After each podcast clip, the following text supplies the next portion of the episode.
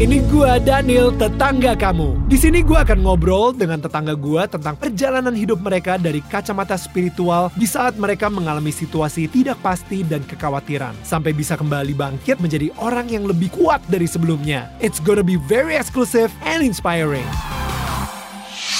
Masih bersama Meli Guslow di Daniel tetangga kamu dan uh, by the way kalian udah pada follow podcast kita belum? Right? Karena udah ada di semua digital platform podcast. Dengan kalian follow dan dengerin tiap hari, tanpa sadar hidup kalian pun akan bertransformasi. Karena apa yang kita obrolin di sini sifatnya itu sangat baik dan membuat kalian lebih dekat lagi dengan Tuhan. Alright? Anyway, Temeli, gue pernah nanya sih, uh, apa apa yang harus kita lakukan terhadap orang-orang yang intoleran, ya kan? Um, karena udah pasti gue pengen menjauhi mereka. Sama, sama, sama. Ya kan? Karena gue takut gitu. Tapi itu artinya gue intoleran terhadap orang intoleran. Jadi seharusnya emang secara refleks kita pengen menjauhi. Tapi di hati gue bilang, no, no, no, no. Tahu nggak kalau misalnya Allah juga mencintai orang-orang intoleran tersebut gitu. Hmm. Tuhan sayang juga sama si orang orang-orang intoleran yeah. ini cara um, cinta Tuhan untuk bisa uh, reach out gitu ya, menggapai orang-orang yang intoleran ini adalah melalui gue. Hmm. Jadi pada akhirnya solusinya adalah gue harus sebisa mungkin build relationship toleran sama orang intoleran. Iya iya iya iya iya iya. You know, nah, karena apa ya? Apalagi gue gue adalah orang yang benar-benar anti banget untuk um, menjelek-jelekan uh, orang gitu. Jadi sebisa mungkin ya, udah pasti gue gak sempurna, sering lah keselip dan lain-lain gitu ya. Ya gibah itu misalnya itu gak akan, kita we struggle in that gak gitu ya. Walaupun gue gak arisan, tapi tetap aja gue suka gibah. Iyalah pastilah. Lu tau gak sih gitu. Bahkan gue kalau misalnya lari pun gue ngomongnya kita gosip pace aja ya. Jadi kita bisa sambil gosipin orang gitu. Nah tapi um, gue gue ngerasa uh, um, kalau misalnya ya kita berusaha mem, membuat orang intoleran itu sadar tapi dengan cara menjelek-jelekan memberikan mereka nama baru atau nama bully kita nggak nggak akan berhasil sih menurut gue.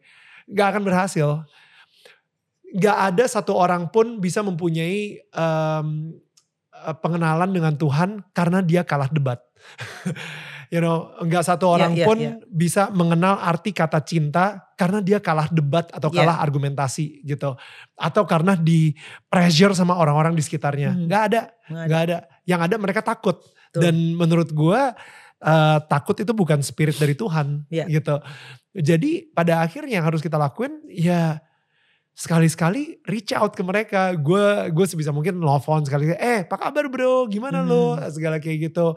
Atau enggak coba uh, you know ngundang ke sini. Iya iya iya. Untuk iya. ajak ngobrol juga dan lain-lain supaya gue bisa build relationship itu sih. Iya, kayak iya. gitu sih. Dan emang ini sebuah sebuah apa ya? Uh, tadi yang gue belajar dari Temeli adalah lu bisa mempunyai pandangan seperti ini karena lu adalah seseorang yang sangat unik yang mempunyai masa kecil pun yang sangat unik gitu. Tapi kan di luar sana ada mereka nggak seberuntung Teh Meli gitu di mana yeah. mereka ini ya udah sama udah ngaji aja muslim aja apa dan yeah. begitu juga dengan Kristen gitu ke gereja aja dan mereka di bubble tersebut sehingga yang Kristen pun sama sekali nggak tahu apa dunia Islam di situ gitu dan apa yang kita nggak tahu kita akan takut. Iya, justru mungkin baru ngeliat hijabnya aja udah udah takut. terintimidasi uh, gitu kan. Iya, iya. Uh, aduh gue bukan muslim jadi mundur duluan gitu ya. kayak gitu. Tapi gini, gue pernah punya pengalaman gue menjadi juri ajang lomba uh, lomba bakat gitu ya. Mm -hmm. uh, antar madrasah. Oh. Antar uh, bukan madrasah ya apa ya yang Iya uh, siar anak muslim apalah siar anak negeri apa gitu ya. Oke. Okay. Di salah satu stasiun TV. Itu jurinya gue yang yang yang dari musisi cuman gue, yang lain dari Kemenag.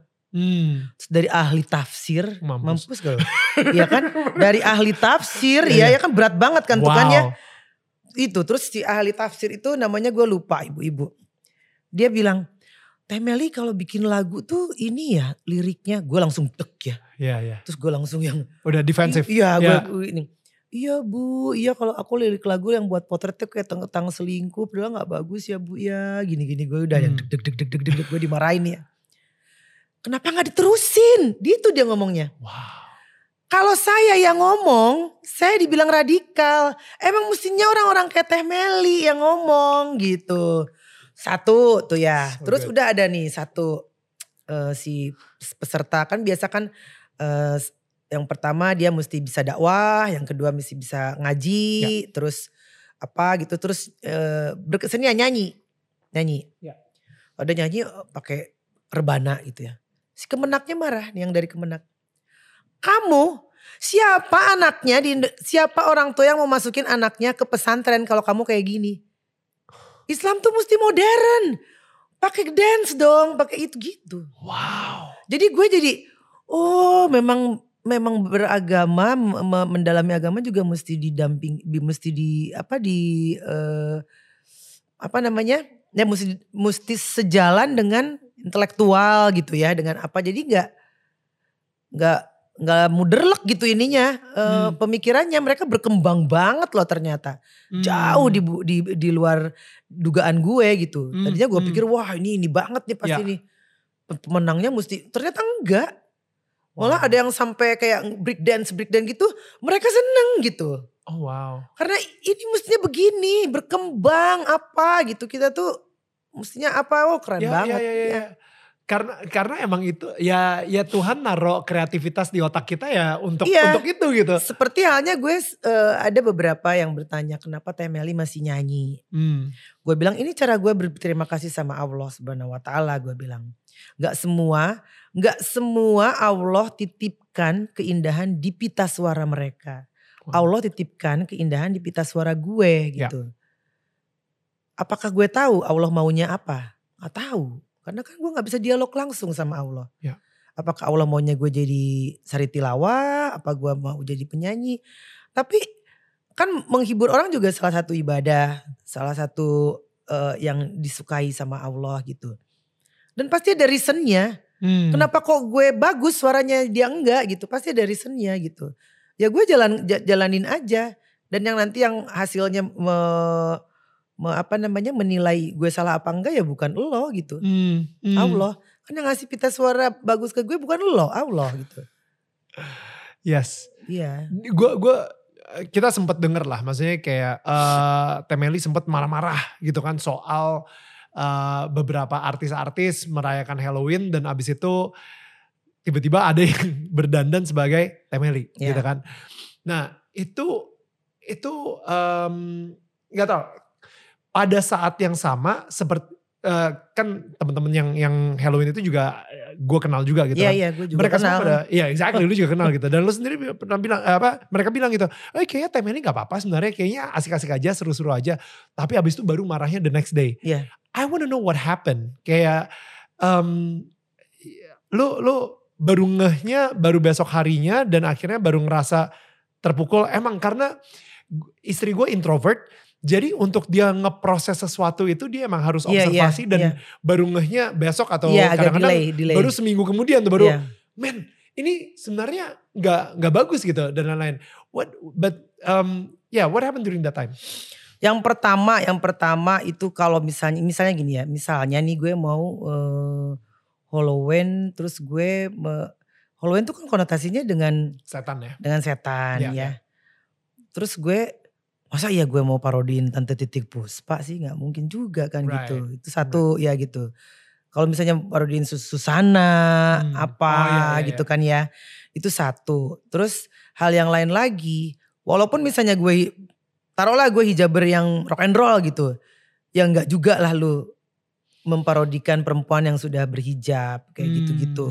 Itu terus kalaupun misalnya mau bener-bener mau di kan Kan lu tahu sendiri gue itu uh, menghabiskan banyak biaya loh untuk untuk untuk tampil segila itu. Gue pakai Rinaldi Ayunardi, pakai yeah. siapa gitu. Yeah. Nggak terus jadi orang-orang jadi bilang lu kayak ondel-ondel apa gitu. Yeah. Maksudnya lu appreciate dong gitu, yeah, kayak gitu-gitu. Itu sih sebenarnya yang gue yang gue marah. Hmm. Mm -mm. Gue sukanya ya Temeli itu ketika hijab uh, lu itu ringan. Ngerti gak sih? Maksudnya hijabnya itu ringan. Hijab tuh bukan jadi sesuatu yang memberatkan dan lu kayak mempunyai sebuah standar bahwa lu harus suci gitu. Ya gak? Kan ada ya orang begitu udah uh, taruh hijab itu kesannya kayak wah jadi berat banget nih hidup gue nih. Harus benar-benar lurus banget. Kalau nggak lurus malah Tuhan kayaknya bakal menghukumnya 10 kali lipat gitu kesannya. Um, tapi lu di sini benar-benar ngeliat bahwa hijab itu adalah sebuah ah, bukan perfection tapi progression. Jadi sesuatu yang uh, lu mulai progress gitu. Yeah. Sedikit demi sedikit maju lah. Biarpun mungkin langkahnya sedikit demi sedikit tapi minimal langkah kecil itu adalah kemajuan gitu. Hmm. Um, karena lu nggak nggak menaruh beban kesempurnaan tersebut Uh, dan lu justru malah ngelihatnya atau ngobrolnya sama Allah langsung hmm. gitu. Kayak tadi menurut gue itu adalah sebuah wisdom di mana iya loh Allah memberikan pita suara yang indah kepada Temeli di sini. Hmm. Um, jadi ya sekarang ini sampai hari ini sampai detik ini itu adalah keyakinan yang Allah udah taruh banget dan di, dari dialog antara yeah, uh, yeah. Temeli sama Allah gitu. Nah, kok bisa sih punya punya sekeringanan ini dalam berhijab? Dan nggak karena gue kenal juga ada beberapa orang yang begitu udah berhijab tuh kayak berat. jadi berat banget ya kan jadi kayak eh, ngerti gak? Iya iya iya ya. paham paham. Jadi waktu waktu ya pertama kan tadi kan gue udah udah jelasin kenapa gue berhijab karena gue uh, cuman itu yang bisa gue lakukan kepada Allah Subhanahu Wa Taala untuk menyenangkan Allah Subhanahu Wa Taala yang gue bisa ucapan syukur lah ya ya, uh, ya uh, yang gue bisa lakukan terus menerus gitu ya. ya. Yang lain enggak. Nah hal lain lagi memang setelah gue berhijab pulang ke Indonesia itu kan setelah gue umroh. Setelah hmm. gue umroh tuh Mas Anto ulang tahun ke 50 kalau gak salah. Gue umroh gue gak buka lagi. Itu lumayan kayak piranha tuh. Eh, komunitas-komunitas hijaber me ngedeketin gue. Oke. Okay. Ya, ngedeketin gue. Ya beneran, beneran. Karena ternyata banyak banget, banyak banget geng. Ya, banyak banget geng zerat gitu ya.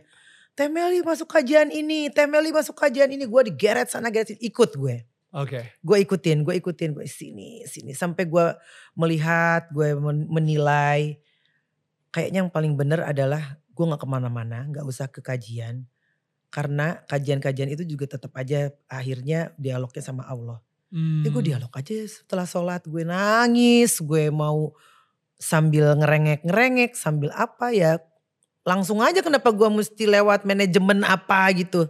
Hmm. Lu nonton film Pike nggak? Ya, ya, ya kan? Ya. Itu kan lewat ini, lewat ini. Ya langsung aja gitu. Ya, ya, ya, ya.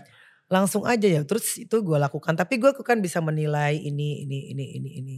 Orang-orang yang deket sama gue, hijaber-hijaber yang deket sama gue, gue selalu bilang, lu nggak bakal, men, kan gimana sih?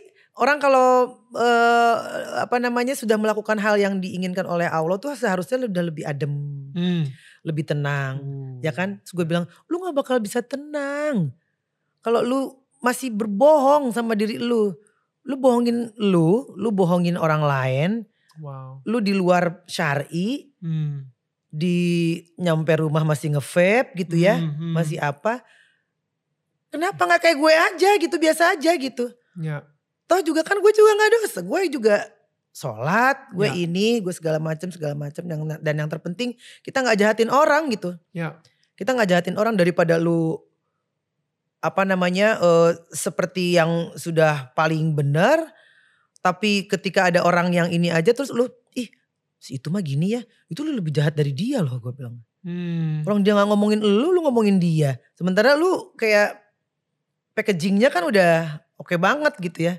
Hmm. Itu sih yang sebenarnya disayangkan. Makanya mungkin ada beberapa yang uh, bukan beberapa sih gue pribadi mungkin ya untuk teman-teman yang mau hijrah atau mau berhijab ya mesti pinter-pinter cari komunitas dan cari guru juga gitu yeah, yeah. yang tepat gitu. Ya, yeah, ya. Yeah. I I love that. Kalau bisa nggak usah ada komunitas lah, sendiri aja di rumah ya. ya. Ntar gibah juga loh. Iya. Iya. Ntar ya, terus ya, ya. yang satu pakai Herme, yang satu pengen, ya beneran gitu. Beneran gitu. Ntar, udah udah deh pokoknya di rumah aja lah, sama Allah aja langsung. ya kan? Gue mau ngomongnya takut sekarang. Jangan-jangan ini gak bisa tayang. Tetap kita tayangin. Oke dari tadi gue diem aja. No, I love it. I love it. Um, apa emang dan emang bener banget sih karena gue gue personally ya ketika gue udah mulai udah mulai mendekat gitu sama Tuhan dan lain-lain. Sama kayak lo sih. Jadi banyak komunitas-komunitas Kristen pun juga mulai ngajak gue untuk uh, ke komunitas mereka dan apa kesaksian ya kalau misalnya Kristen mm, dan lain-lain gitu. Um, tapi emang bener uh, si gibah itu emang sulit banget untuk kita kita jadi pada akhirnya kita ngobrolin dan malah lebih parahnya lagi ini gue personally gue mulai uh, dulu pas gue lagi on fire on firenya sama sama Tuhan gitu ya tapi gue malah jadi suka ketika dikasih um, pengakuan melalui sosial media gue bahwa gue semakin suci.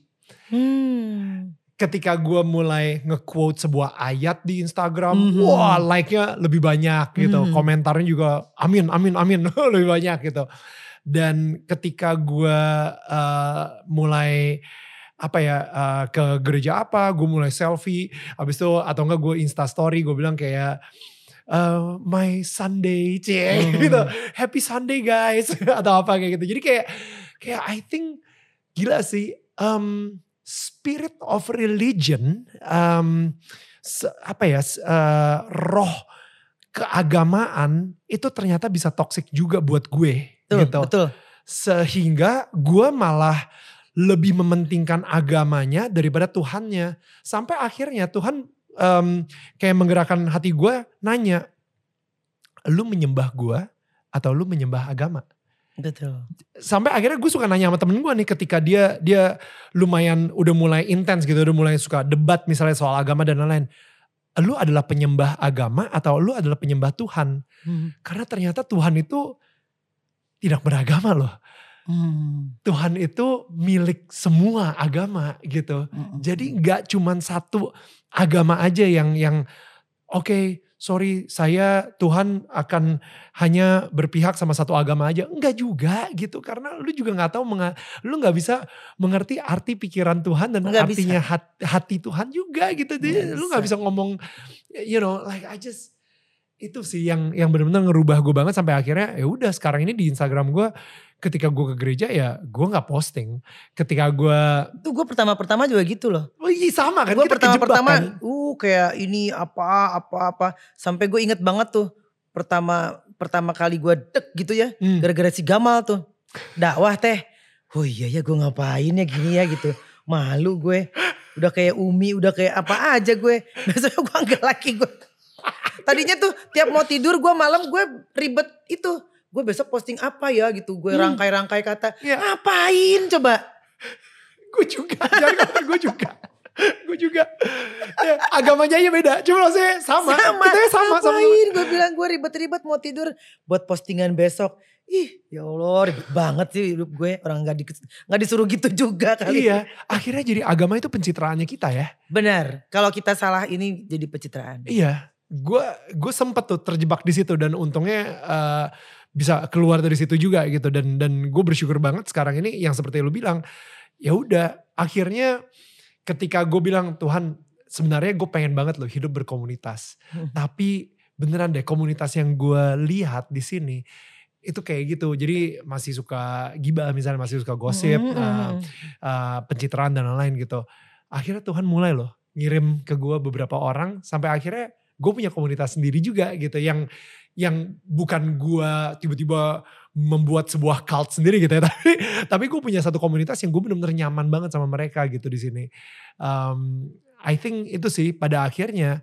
kita harus minta Tuhan juga sih sama seperti kita minta jodoh gitu iya, kita minta bener. Tuhan untuk komunitas karena komunitas yang kita punya ini itu seperti jodoh juga pada iya, akhirnya iya, iya. Hmm. Kalau gue ya, gue kalau sekarang sih gue lagi langsung-langsung saja sama Allah karena hmm. capek juga gue ngelihat kepalsuan-kepalsuan yang berbungkus agama ya. Hmm. Banyak banget yang uh, apa namanya hijaber-hijaber syari yang uh, postingannya Masya Allah tabarakallah gitu. Tapi nentengnya Christian Dior gitu itunya apa gitu ngapain sih? Maksudnya caption nama itunya nggak sama gitu. Kalau kalau kalau gue ya kalau misalnya misalnya gue nggak tahu nanti hmm. hidup gue di, di depan seperti apa. Kalau misalnya gue mau strict saya nggak bakal nyanyi lagi. Saya nggak pokoknya nggak ada dunia lagi duniawi lagi. Pokoknya gue uh, ngurus keluarga ibadah. Ngurus keluarga ibadah. Ngurus keluarga ibadah. Lu nggak usah pakai Instagram. Hmm. karena dari misalnya nggak boleh ada musik. Kalau gue misalnya nyanyi orang laki-laki misalnya jadi nafsu. ini ya jadi hmm. nafsu. Kalau gue senyum gimana? Bisa aja nafsu. Ya. Atau misalnya, Hai, assalamualaikum. Nafsu nggak? Nafsu hmm. bisa aja. Hmm. Gak usah punya Instagram gitu. Hmm. Gak punya nggak usah punya medsos nggak punya nggak usah. Tapi gak. seperti yang lu bilang sih kesalahan bukan pada elunya, kesalahan bukan pada wanitanya, kesalahan pada pikiran si lakinya. Iya. Yang yang iya. lihat gitu dan yang iya. mendengar gitu. Nah kalau misalnya lu nggak mau melemparkan hal itu kepada laki-laki ya Gak usah, tapi kalau masih mau begitu ya biasa aja. Hmm. Maksudnya kan gak usah menjudge orang yang nyanyi, hmm. orang yang itu. Udah biasa aja lah, biasa lulu gue-gue gitu. Ya, ini gue ngambil dari stand up komedinya si si Panji Pragiwaksono gitu. Karena gue gue sempet datang gitu ya nonton stand up komedinya dan ini menurut gue ini epic banget sih. Um, dia bilang, jadi ternyata kan emang ada uh, badan sensor ya di TV-TV Indonesia dan lain-lain gitu. Nah si badan pokoknya tugas dia adalah badan sensor ini akan sensor apa pun yang membuat nafsu gitu, hawa hmm, nafsu hmm, hmm, ya kan. Jadi pertama dia udah mulai ngelihat keanehan gitu. dia lagi nonton Doraemon, si Suka lagi pakai lagi pakai baju renang, tiba-tiba ada mozaik di bagian dada si Suka. itu udah mulai aneh kan, udah mulai. Ini kenapa? Ini berarti orang yang nyensor ini nafsu dong ngelihat si Suka pakai baju renang gitu. Yang kedua yang lebih parahnya lagi, ketika ada dokumentari soal uh, di pertanian merah susu sapi. Oh, susu sapinya di mozaik, di, di sensor, ya kan? Itu berarti nih orang nafsu gitu ngelihat iya. uh, ada apa susu sapinya lagi diperah gitu. Nah itu kan udah mulai aneh ke arah you know, yang salah bukan gambarnya, bukan videonya, tapi yang salah adalah orang yang orangnya, yang iya. yang mulai kok gue nafsu ya ngelihat susu sapi. Iya. lagi diperah. gitu. ya kan, kok kok gue bisa begini ya? Iya. Ada apa dengan gue? Nah, ada macam-macam. Ada laki-laki yang senang ada senang dengan perempuan hamil ya. Hmm, menurut menurut dia hamil itu seksi, seksi gitu, atau ya. menurut dia orang yang gemuk banget itu seksi. Dan mungkin aja ada yang horny dengan dengar knalpot Iya. Masa mau disensor juga kenapa gila lu? Bisa aja loh, kan banyak aja ya orang aneh-aneh kan ya. Iya iya iya iya iya. iya. Ada uh, kasus yang paling aneh yang pernah gue lihat adalah orang uh, bersenggama dengan lobang di jalanan. Nah iya. Nah, iya itu. Macem-macem orang. gue gue pengen balik uh, ngomongin soal karakter Tuhan sih. Ketika uh, lu baru berhijab, gue nggak tahu. Mungkin di sini yang lagi nonton pun juga ada yang baru saja hmm. uh, memutuskan untuk berhijab. Mungkin ada juga yang um, lagi mikir-mikir uh, untuk berhijab dan tadi sih mungkin pastinya mereka juga kalau misalnya lagi nonton ini ngerasa ringan ya. Hmm. Karena dengan tadi yang Teh Meli ngomong soal hijab itu nggak harusnya menjadi berat gitu ya. Uh, it's so beautiful gitu. Hmm. Karena menurut gue juga Tuhan juga nggak pengen lu apa Tuhan um, kita secara manusia mendekat sama Tuhan tapi kenapa malah hidupnya jadi lebih berat gitu. Hmm. hmm. Harusnya nggak kayak gitu. Harusnya hidupnya hidupnya penuh dengan damai malahan gitu kan. Hmm. hmm. Nah, jadi gue gue um, penasaran sih ketika lu awal-awal berhijab dan gue baca di media bahwa dua tahun, mm-hmm. dua tahun tuh waktu yang lama loh. Lama. 670 sekian iya, hari yeah, yeah. lu nggak ngejob. Nggak ngejob. Tiba-tiba itu nggak ada pemasukan sama sekali yang tadinya lu nyanyi ke mana ke mana-mana, lu salah satu kayak uh, salah satu diva Indonesia di mata gue dan mungkin di mata mas, masyarakat Indonesia lainnya tiba-tiba selama dua tahun lu nggak ngejob. Ini ini sebelum pandemi obviously kan. Ini yeah, 8 yeah, tahun yang lalu kan. Jadi lalu, ya. um, lu ada ada pemikiran gak di mana can, can you like can you process that with me kayak what happened ketika mm. lu balik dari umroh, lu berhijab dan lu memutuskan untuk terus berhijab? Yang gue rasakan hidayah itu satu paket sama ujian ya. Hmm. Jadi ketika gue didap, diberikan hidayah sama Allah, Mel tutup hijab gitu ya. Maksudnya bulat. Karena itu sebelum gue umroh yang uh, Mas Anto umur 50 tuh gue udah mau berhijab juga. Tapi Oke. masih berpikir, oh nanti gimana ya job gue ya. Ya. Secara gue jobnya banyak di klub gitu ya. Hmm. Gimana ya gitu. Terus mundur lagi. Wow. Pas yang umroh yang yang itu, gue eh, semua yang gue mau itu dapat. Jadi gue bilang sama Allah, gue mau banget Mas Anto pas ulang tahun ada di Mekah, Hmm. dapat. Hmm. Terus gue minta pas jam 12 teng depan Ka'bah dapat. Jadi pas jam 12 teng dia di depan Ka'bah dan itu ada eh, apa eh, tower itu ya. Ada jamnya, jam Hmm. teng jam 12 dapat. Terus gue ya Allah, apa reason apa sih gue yang maksudnya apalagi yang gue takutkan gitu. Hmm. Karena semua yang gue mau ini jadi ap- masa gue masih takut pakai hijab gitu. Hmm. Sementara gue mau apa pun juga dikasih gitu. Hmm. Udah pulang dari situ gue bulat, gue nggak buka lagi ternyata Ujian. ujian. Hmm. Banyak eh, artis-artis yang pakai hijab besoknya langsung dapat iklan kan ya, Hmm. dapat inilah dapat itu. Gue enggak, gue nggak ada satupun job baik itu off air maupun on air. Cut aja dua tahun. Untungnya masih ada royalti tapi itu tidak mencukupi. Hmm. Terus gue eh ada beberapa ada ada bisnis clothing kecil-kecilan ya masih bisa hidup dari situ. Tapi pas-pasan banget. Itu eh kita yang tadinya misalnya pengeluarannya misalnya 10 ya kita pangkas jadi 5 Hmm. selama 2 tahun itu.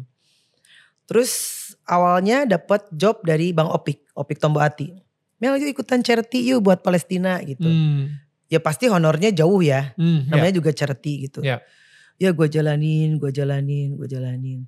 Terus karena kan kita kan dikasih sama Allah manusia tuh satu perangkat ada pikiran ya, ada Hmm. pikiran, ada hati gitu yang mesti kita selaraskan gitu. Mikir masukin hati, mikir masukin hati.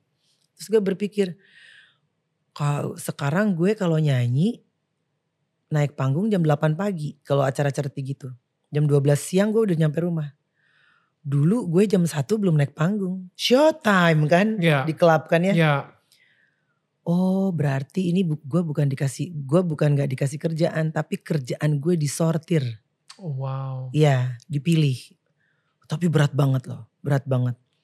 Abis itu belum selesai lagi ujiannya. Setelah setelah eh, lumayan dapat income dari acara-acara charity itu mulai berdatangan job-job lagi dari klub. Dan itu duitnya gede pasti. Ya, ya seperti yang dulu kan ya. Ya, ya, ya. Sementara kan udah dibilang kan nggak boleh nyanyi di tempat yang ada alkoholnya, Hmm. nggak boleh ini ini ini ini. ini. Ya, Itu eh, ini ya apa namanya eh, perang batin ya. pasti. Tapi terus gue pikir-pikir gini, emang Allah nih ngasih rezeki ke gue ya, ngasih job ini belum tentu. Mungkin dia ngasih rezeki ke si Krismon, Hmm. ke kru gue, ke Hmm. operator gue, lewat gue. Hmm. Kalau gue tolak, gue ini semua nggak makan. Ngestopin rezekinya kru. Iya. Ya. Jadi apa gitu? Dan nggak akan pernah ada kejadian kalau Allah nggak izinin.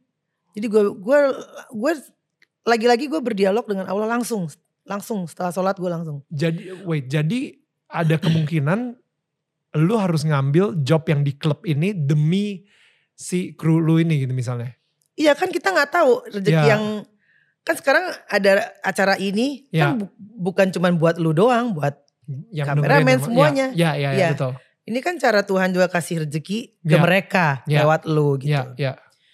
Nah terus gue pikir eh kan kitanya baik-baik aja gitu ya. Ya nggak apa-apa. Ini kan kerjaan dari Allah. Ini rezeki dari Allah. Terus gue gue bertanya-tanya. Kalau gue tolak ini gue nolak rezeki nggak sih gitu. Hmm. Terus tapi kan kar ini kan tempatnya ada alkoholnya, ada ini, ada ini. Tapi kalau Allah maunya gue gue nyanyi di sini gimana? Mau, mau gimana gitu? Kan kita nggak ada yang tahu. Ya. Ya udah gue jalanin, gue jalanin. Sampai akhirnya sekarang sampai detik ini nih terbiasa banget. Maksudnya ter, orang tuh ngelihat gue ada di sini, ada di sini Ya. tuh terbiasa. Itu itu gue bersyukur banget. Gue bersyukur banget menjadi hijaber yang seperti gue sekarang. karena gue dianggap normal sama semua orang. Kalau misalnya orang lain yang melakukan itu, mungkin hijaber lain melakukan itu, ih si itu kok gitu ya gitu. Ya, ya. Kalau gue jadi biasa aja karena gue juga pertama tampil setelah pakai hijab gue pakai headpiece yang segede Gana. Ya. Terus kan dibully sama semua orang gak boleh melebihi punduk unta apa apa apa apa. Oke. Pokoknya banyak gue pokoknya gue selalu berpikirnya alah lu belum tentu lebih baik dari gue titik gitu. Gue selalu gitu kan Ya, ya. mindsetnya kan. Jadi ya udah alhamdulillah tuh lama lam, yang paling membuat gue eh, apa namanya kayak bener-bener ditamparnya tuh artinya di, disadarin itu adalah ADC 2. Jadi setelah itu ADC 2 persis 2 tahun setelah gue Hijab. berhijab. Ya. Mira telepon Mas Anto. Kita mau bikin ADC 2 katanya. Kita mau pakai kalian lagi. Gue langsung sama Mas Anto nggak mungkin. Lu gila kali ya soundtrack ADC masa hijaber yang nyanyi gitu. Hmm. Heeh. Gue gitu. Tapi Mira maunya lu gitu. Hmm. Wah tetap nggak mau. Sampai Mira sama Riri datang ke rumah gue. Oh, wow. Sampai datang. Kita tuh ngelihat kalian berdua tuh bukan Meli dan Anto as eh, pengisi soundtrack kalian itu juga ya pemeran di situ gitu. Wow. Terus kok gue ngeliat ini, kok nih orang nggak ini ya? Sama sekali, sama sekali secuil pun nggak menganggap keanehan dari hijab gue. Jadi kan gue yang negatif thinking gitu. Wow. Gue bilang, oh orang lain ini biasa aja, gue aja yang kebakaran jenggot gitu. Iya, iya, iya. Ya kan? Orang ya down banget sih gue. Dan ini waktu pertama-pertama pakai hijab, ya lu tahu kan gue tadinya seperti apa. Jadi gue Iya. tiap tiap ngaca tuh, gila gue ke ibu-ibu banget ya gitu ya. Pakai hijab ini salah, pakai hijab itu salah, pakai ini. Ya lama-lama ya gue, ya kalau gue lagi pengen pakai kupluk ya pakai kupluk, tapi pakai Hmm. tetap pakai ciput dalamnya ya Hmm, gitu ya hmm. ke, ke ketutupan ini. Jadi ya pokoknya enjoy aja se-enjoy gue dan gue juga ternyata itu semua cuman ketakutan gue aja gitu. Hmm. Ketakutan-ketakutan gue yang orang lain akan nerima gue, orang lain akan eh, eh, mungkin yang tadinya seperti acara-acara itu yang tadinya eh, suka meng- suka manggil gue jadi ah kan karena udah nggak pakai hijab, eh udah pakai hijab nggak usah deh. Hmm. Ternyata enggak, ternyata memang ya dua tahun itu memang lagi diuji aja sama Allah. Wow. Mm-mm, diuji. Untungnya, untungnya gue bersyukur juga gue public figure. Hmm. Jadi keinginan gue untuk copot itu kan agak Hmm. direm karena anjir ntar masuk Hmm. lambe-lambean gue nyopot hijab gitu kan. Terus apa namanya jadi heboh jadi apa gitu. Ah udahlah ini aja gitu. Itu juga beruntung juga sih begitu gitu. Ya tapi alhamdulillah lah sampai saat ini gue bahagia dengan gue yang sekarang karena gue masih eh, apa namanya masih bisa mengindahkan keinginannya Allah walaupun ba- baru secuil ya pakai hijab doang tapi gue masih happy menjalankan Hmm. kehidupan gue gitu. Sekarang ini eh, kalau lu nulis lagu lebih lebih hati-hati nggak? Maksudnya lebih lebih minta hidayah sama Tuhan sebelum nulis lagu misalnya. Hmm, kalau hati-hati banget enggak ya. Kalau minta selalu gue dari dulu memang minta ya. Karena gue juga gue juga beberapa kali eh, pernah mengalami yang stuck satu kata pun, kalimat pun gue nggak dapet, gak dapet dapet. Sampai gue nangis, gue nangis dalam sholat gue sujud ya Allah minta sedikit aja. Kata dan kalimat itu kalau dia nggak alirin ke kepala gue ya gue nggak punya. Gue tuh Akhirnya dia kasih nih, I just want to say I love you. Udah, udah, udah. Apalagi Tuhan, udah itu aja. Jadi gue percaya semua ilhamnya dari dari dari dia gitu. Tapi eh ya yang yang dijaga kan tetap aja yang yang yang yang sesuai dengan undang-undang hak cipta ya. Hmm, Gak hmm. boleh ada sara Ya, gitu, politik. Ya, ya, pastilah. itu aja sih yang gue jaga. Tapi kalau lirik-lirik nakal atau apa ya gue selalu melihatnya itu ya kan lagu gitu. Hmm, hmm. Nggak, Dan lo ya. uh, ya berhati-hati tapi nggak terlalu yang gimana gitu. Ya ya, ya. tapi maksudnya gue gue jadi penasaran sih ketika ketika lu bener-bener minta banget eh apa lirik lagu ketika lagi bikin what happened? Gue gue gue penasaran sih bagian itu sih. Ketika lu bener-bener sampai ngereng-ngerengnya minta eh, dikasih lirik lagu. Karena ada beberapa lirik lagu yang banyak bahkan banyak ya banyak banget lirik lagu yang pas gua baca ya, ih gue ini kesurupan apa ya kok kayak Habibie dan Ainun apa Hmm. gitu, kok gue bisa bikin lagu seromantis ini ya, kemasukan apa gue gitu. Kan gue bukan tukang baca, bukan bukan yang sekolah tinggi gitu apa. Ya dari Allah gitu. Kadang gue tuh suka seret, seret, seret, seret, seret. Ngalir gitu aja. Bahkan anak-anak potret Mas Anto juga gokil sih ini gitu. Bisa ini. Kok lu bisa sih Mel? Gak tahu gitu. Kalau di ini lagi gue gak tahu ya berarti memang itu dari awal. Tapi kalau lagi gak dikasih, bener-bener gak dikasih. Satu kata pun, satu kalimat pun bener-bener gak dikasih. Tapi gue selalu ya kita harus selalu positive thinking ya. Kita positive thinking sama Allah. Gue gue selalu oh ya kali gue akan dikasih yang bagus tapi bukan hari ini gitu. Karena banyak hmm. juga lagu-lagu gue banyak ada beberapa lagu gue yang nggak hit sekarang tiba-tiba nanti dua tahun kemudian dibawain oleh satu aplikasi apa hmm. terus meledak banget hmm. yaitu memang kadang-kadang ya kita begitu kita keluarin kata Allah bukan sekarang waktu lo nanti tahun hmm. depan sabar gitu. Tapi kita kan hmm. Manusia ya harus terus hmm. bikin terus bikin karena kita nggak tahu waktunya kapan gitu. Hmm. Hmm. Tapi yang menarik adalah uh, tadi sih sebelum lu nulis lirik lu doa dulu dan benar-benar minta di download dulu sama Tuhan gitu. Iya, Itu menarik iya. sih. It, it, it's it's amazing dan dan gue ya ya di situlah gue baru ngerti sekarang kenapa lagu lu itu kebanyakan masterpiece semua. Eh, because Dan gue nggak pernah kan ada orang yang seneng dengan uh, doa-doa apa gitu ya. Gue gue mengamalkan itu gitu ya. Kan hmm. ada zikir-zikir ya. Ada zikir-zikir apa gue mengamalkan itu tapi ya nggak rutin gitu. Tapi kalau gue lagi doa sama Allah itu tuh Mas Anto aja bisa sampai kalau gue ceritain tuh ketawa-ketawa karena gue tuh bener-bener detail misalnya ya Allah tolong ya supaya album ini sejuta kopi gitu misalnya hmm, yeah, yeah, terus yeah. nanti tuh sejuta sembilan ratus sejuta sejuta yeah.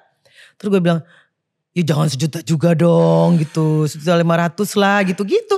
Asli gue gitu bener-bener kayak ke kayak ke orang tua ngerengek-rengek. Iya. Dan gue yakin banget gue yakin sejuta persen Allah suka. Karena gue juga suka digituin sama anak gue. Eh uh, itu itu terjadi di anak gue ya. Jadinya jadinya ini karena gue mungkin cara, cara penyampaiannya salah. Jadi pernah satu hari dia uh, ujian. Uh -huh. Terus gue bilang pokoknya kamu Bismillah dulu hmm. Bismillah jadi kalau kamu Bismillah kamu minta sama Allah ya Bismillahirrahmanirrahim ya Allah nanti apa pun yang kamu lupa pasti dia ingatkan hmm. gitu tapi anak gue nggak belajar kan ya dia bismillah doang jadinya. Hmm. Pas pulang dia nangis sama gue. Dia nangis sama gue sambil nunjuk-nunjuk ke atas. Allahnya bu Allah katanya. Kenapa? Ale ininya abe apa ale gue lupa. Nol nilainya nol salah semua. Padahal dia padahal udah bilang bismillah. Ya kan terus lu mesti belajar juga. Jadi macam punya ya gue kayak gitulah. Kurang lebih kayak gitu gue. Tapi tadi ketok banget sih itu. Kesannya Tuhan itu jadi kayak, ya ya kayak uh, tiba-tiba dia pas lagi mau ujian, ada ada petir habis itu, wow bisa semua. Dapat 100. Iya kan kalau Mas Anto kan selalu bilang kan, memang sih nyawa di tangan Allah. Tapi kan bukan berarti lu berdiri di depan rel kereta api gitu. Iya, yeah, that's so good. I love it. Temeli, I think um, obrolan kita benar-benar kena banget di gue banyak banget by the way uh, obrolan-obrolan. Semoga bisa tayang. pasti pasti tayang don't worry. Gila this is one of the best episode. I love it beneran. So um, ini hadiah buat uh, lo sama Mas Santo juga thank ya. You. Bisa ditaruh di rumah thank ya. You, thank you. Gak usah dibuka. Isinya uh, ini rumah clay ini ya logo kita. Uh -uh. Basically um, ada lilinnya juga. Mudah-mudahan uh, cahaya dari lilin ini mengingatkan kalau misalnya ada cahaya di rumahnya Temeli dan juga Mas Santo dan bisa menerangi tetangga-tetangga sekitar benar. Gitu. Amin. Gitu. Amin. Thank you, thank you banget. Thank you. Thank you gua banget. yang thank you banget udah mampir. Ini beneran loh, gua ngeliat lu ini adalah seorang salah satu diva Indonesia yang gue respect banget walaupun arti nama potret tuh gak sedalam yang gue bayangin, but it's okay. I still love Melly Guslo. hey, tapi uh, guys, kalau misalnya kalian adalah tetangga-tetangga yang benar-benar kena banget dari apa yang tadi kita obrolin, um, please banget uh, ada quote dari Teh Melly yang keren banget. Jangan lupa untuk tag kita di Instagram dan tag di @danielmananta_network atau di @daniel tetangga kamu. Siapa tahu aja nanti kita repost karena um, banyak banget ya momen-momen uh, yang obrolan kita itu ternyata bisa menguatkan salah satu dari kalian gitu dan please send send message ke Teh Mary juga bagaimana cerita dia itu memberikan harapan baru buat kalian juga. So, Amin, semoga um, menginspirasi. Pastinya, alright. Yang pastinya tetangga saling menyangga bukan menyanggah. See you guys again next week. Thank you so much guys sudah mendengarkan podcast Daniel Tetangga Kamu. Dan jangan lupa di follow podcastnya dan share ke sosial media kalian menggunakan hashtag Daniel Tetangga Kamu. Sebisa mungkin gue akan repost keseruan kalian ketika lagi mendengarkan podcast ini. Kalian juga bisa menyaksikan Daniel Tetangga Kamu setiap hari jam 4 sore waktu Indonesia bagian Barat di channel YouTube Daniel Mananta Network. Karena setiap minggunya akan ada sosok-sosok inspiratif yang akan menceritakan perjalanan hidup mereka dan hubungan mereka dengan Tuhan. Sampai ketemu minggu depan.